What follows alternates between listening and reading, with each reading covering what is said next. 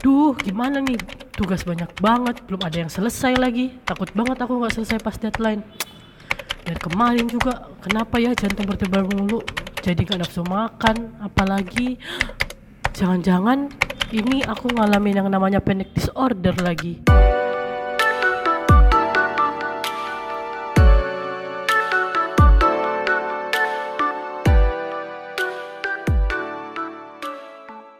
Halo teman-teman, selamat datang di podcast aku.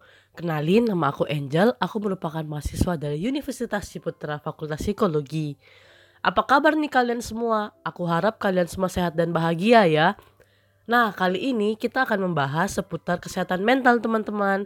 Dan aku mau membahas salah satu masalah kesehatan mental. Kita mungkin biasanya sering mendengar serangan jantung. Tetapi ternyata ada juga loh serangan panik teman-teman Nah, penasaran kan gimana serangan panik itu? Seperti apa? Langsung aja yuk kita bahas. Nah, teman-teman, sebelum kita membahas lebih lanjut mengenai gangguan panik, yuk kita dengerin sedikit cerita dari penderita gangguan panik. Cerita ini datang dari F yang berusia 27 tahun dan merupakan seorang laki-laki. F datang dengan keluhan rasa takut dan cemas yang terjadi tiba-tiba, kapan saja dan di situasi apa saja selama kurang lebih enam bulan belakangan. Menurut F, rasa takut dan cemas ini datang disertai dengan jantung berdebar, gelisah, dan keringat dingin. Menurut F, awal mula dari penyakitnya berhubungan dengan sikap ibunya yang selalu membanding-bandingkan dirinya dengan kakak kandungnya. Setiap kali F melakukan sesuatu, ibunya selalu menyalahkan apa pun yang F lakukan, sehingga F meyakini bahwa apa pun yang dia lakukan selalu salah di mata ibunya, dan di mata ibunya hanya kakaknya sajalah yang paling benar. Tidak hanya itu saja, Ibunya juga selalu menjelek-jelekkan istrinya kepada tetangga-tetangga di daerah rumahnya.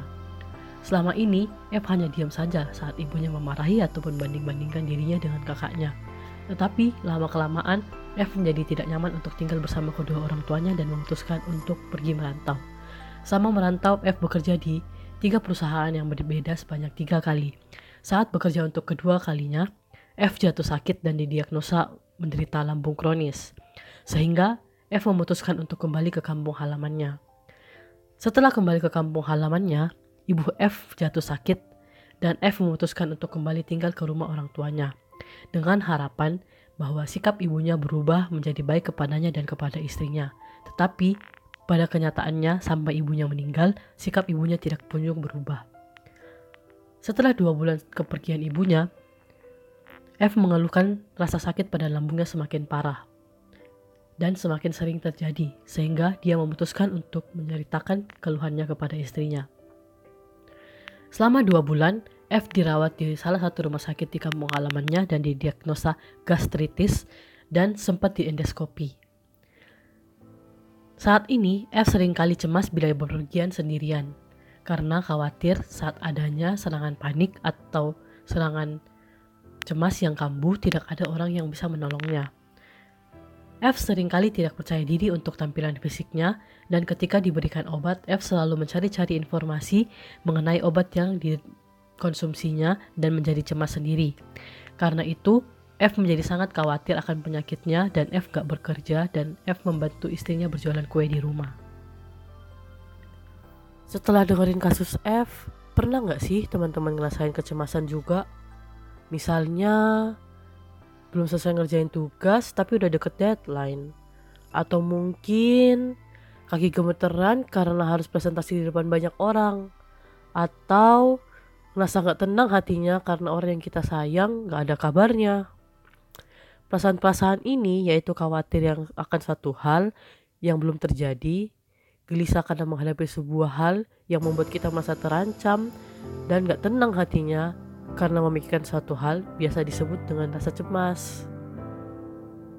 Perasaan ini merupakan hal yang wajar untuk kita rasakan, karena rasa cemas merupakan cara kerja otak kita untuk ngasih alarm ke diri kita kalau ada sesuatu yang gak beres. Sehingga kita bisa mencoba menyiapkan diri kita untuk menghadapi masalah tersebut dengan baik. Dari sini, kita bisa memahami lebih baik bahwa rasa cemas bukanlah satu hal yang buruk, Meskipun sebagian orang menganggap ini adalah satu hal yang negatif. Kok bukan satu hal yang buruk sih kak? Karena rasa cemaslah yang mendorong kita untuk melakukan persiapan ketika kita ingin menjalani ujian atau melakukan presentasi. Rasa cemas juga mengingatkan kita supaya kita menjaga diri kita dari bahaya. Dan tentu saja, rasa cemas yang membuat kita merasa peduli terhadap diri kita sendiri ataupun kepada orang lain di sekitar kita.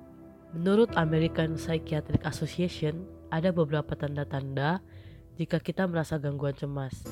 Gejala-gejalanya yaitu jantung berdetak dengan cepat, tubuh menjadi, mengeluarkan keringat yang bercucuran, merasa sesak nafas sampai nafas menjadi pendek, perasaan tertekan, nyeri pada dada, mual, merasa pusing, goyah, bahkan hampir ingin pingsan, depresi, takut kehilangan kendali dan menjadi gila, takut akan kematian, mati rasa dan kesemutan pada tangan, sampai menggigil atau merasa kepanasan. Orang-orang yang merasakan cemas bisa saja merasakan lebih dari satu tanda-tanda kecemasan yang kita obrolin tadi teman-teman. Sampai di sini pasti sudah banyak kan yang bisa bayangin bagaimana sih rasanya gangguan cemas itu. Nah, sekarang kita coba bayangin lebih dalam lagi. Bayangin kalau tanda-tanda tadi yang gak bisa terkontrol atau gak bisa dikendalikan sama sekali panik yang bisa muncul kapan pun dan dan di mana pun dengan berbagai macam trigger tanpa terkendali. Misalnya, rasa deg-degan yang membuat kita sesak seperti mengalami serangan jantung, menggigil dan gemeteran, sesak nafas sampai gak bisa bernafas sama sekali, sampai ingin rasanya mati gemeteran, kaki merasa lemas sampai terasa gak bisa gerak sama sekali. Bayangin kalau semua rasa cemas itu, gelisah, khawatir, dan takut itu mengalir ke semua bagian tubuh kita sampai kita nggak bisa ngapa-ngapain dan kita hanya bisa pasrah tenggelam dalam perasaan cemas ini. Hal-hal yang barusan kita bayangin tadi hanya sebagian dari hal-hal yang dirasakan oleh penderita panic disorder atau gangguan panik. Ya, rasa panik yang wajar yang dimiliki dan manusiawi untuk dirasakan oleh manusia namun muncul sebagai perasaan yang gak tenang dan gak terkendali dengan intensitas yang gak wajar namun menyakitkan bisa kita sebut dengan panic disorder. Faktor-faktor yang dapat menyebabkan seseorang memiliki panic disorder menurut Harvey adalah misalnya lingkungan sosial, sekolah, keluarga, tempat kerja, atau rumah. Kemudian faktor biologis, misalnya penyakit, gangguan hormon di otak, dan kondisi kesehatan lainnya, atau masalah gen di mana penderita memiliki kerabat atau keluarga yang juga menderita penyakit yang sama. Dan yang terakhir adalah pengalaman unik atau traumatis pada masa yang lalu. Sebagai catatan, tiap orang memiliki penyebab dan pemicu panik disorder yang berbeda. Walaupun disorder yang dimiliki sama, hal ini disebabkan dengan perbedaan kondisi dan pengalaman hidup dari masing-masing orang sehingga gak memungkinkan untuk menentukan penyebab dari panic disorder ini. Berikutnya, kita akan membahas bagaimana cara menangani panic disorder. Kita harus pahami bahwa memiliki panic disorder merupakan kondisi yang serius sehingga perlu ditangani dan tidak bisa dibiarkan begitu saja tanpa perhatian yang khusus. Bantuan profesional berupa terapi medis atau obat-obatan dan psikoterapi akan sangat membantu kita dalam mengelola kecemasan yang kita rasakan. Dalam hal ini, obat yang membantu siklus hormon di otak kita dan psikoterapi akan menghasilkan ide untuk mengubah diri kita secara perlahan, sehingga nantinya kecemasan yang kita rasakan bakal bisa kita kelola secara bertahap. Kita harus paham bahwa lari dari rasa panik yang kita hadapi hanya akan membuat kita semakin dalam dan semakin sulit untuk mengelola rasa panik kita kita akan tenggelam semakin dalam dan semakin dalam lagi saat kita terus-menerus lari dari apa yang kita takutkan. Tentu saja sebagai catatan, kita perlu proses untuk mengelola rasa panik itu. Gak mungkin kan kita langsung tiba-tiba berani untuk menghadapi semua rasa panik yang dan rasa takut kita. Itu kenapa kita bisa nyoba untuk biasain diri kita dengan rasa panik yang kita rasain secara bertahap dan perlahan. Cara berikutnya adalah ya kita harus menjaga kesehatan dan kebugaran fisik kita, serta kita harus nyari orang-orang yang pas untuk nemenin kita. Kebugaran dan kesehatan fisik perlu dijaga agar tubuh kita lebih siap dan lebih mudah untuk recovery atau pulih. Mencari teman-teman, baik dari keluarga ataupun teman-teman kita, bakal membuat kita untuk tetap yakin bahwa kita nggak sendiri menghadapi rasa panik ini.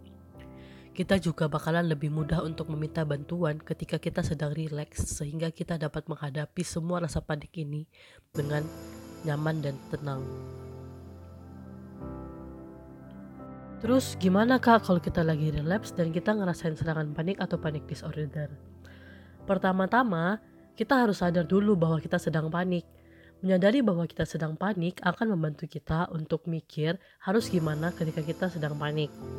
Kalau kita nggak sadar bahwa kita sedang panik, kita cenderung nggak bisa ngelakuin apa pun karena kita sudah tenggelam dalam rasa panik ini. Hal ini sebagai alasan kenapa Langkah awal dalam menghadapi serangan panik adalah dengan menyadari bahwa kita sedang panik. Setelah kita menyadari bahwa kita sedang panik, kita bisa nyoba untuk kontrol tubuh kita. Kalau kita perhatikan, ketika kita sedang panik, kita nggak bisa mengendalikan tubuh kita dengan baik. Contohnya, kita nggak bisa mengendalikan detak jantung, kita nggak bisa mengendalikan nafas kita yang nggak teratur, kita nggak bisa mengendalikan keringat yang mencucuran. Semua ini terjadi karena Pikiran kita tidak bisa mengendalikan rasa takut yang terlalu besar sampai-sampai kita nggak bisa mengendalikan tubuh kita.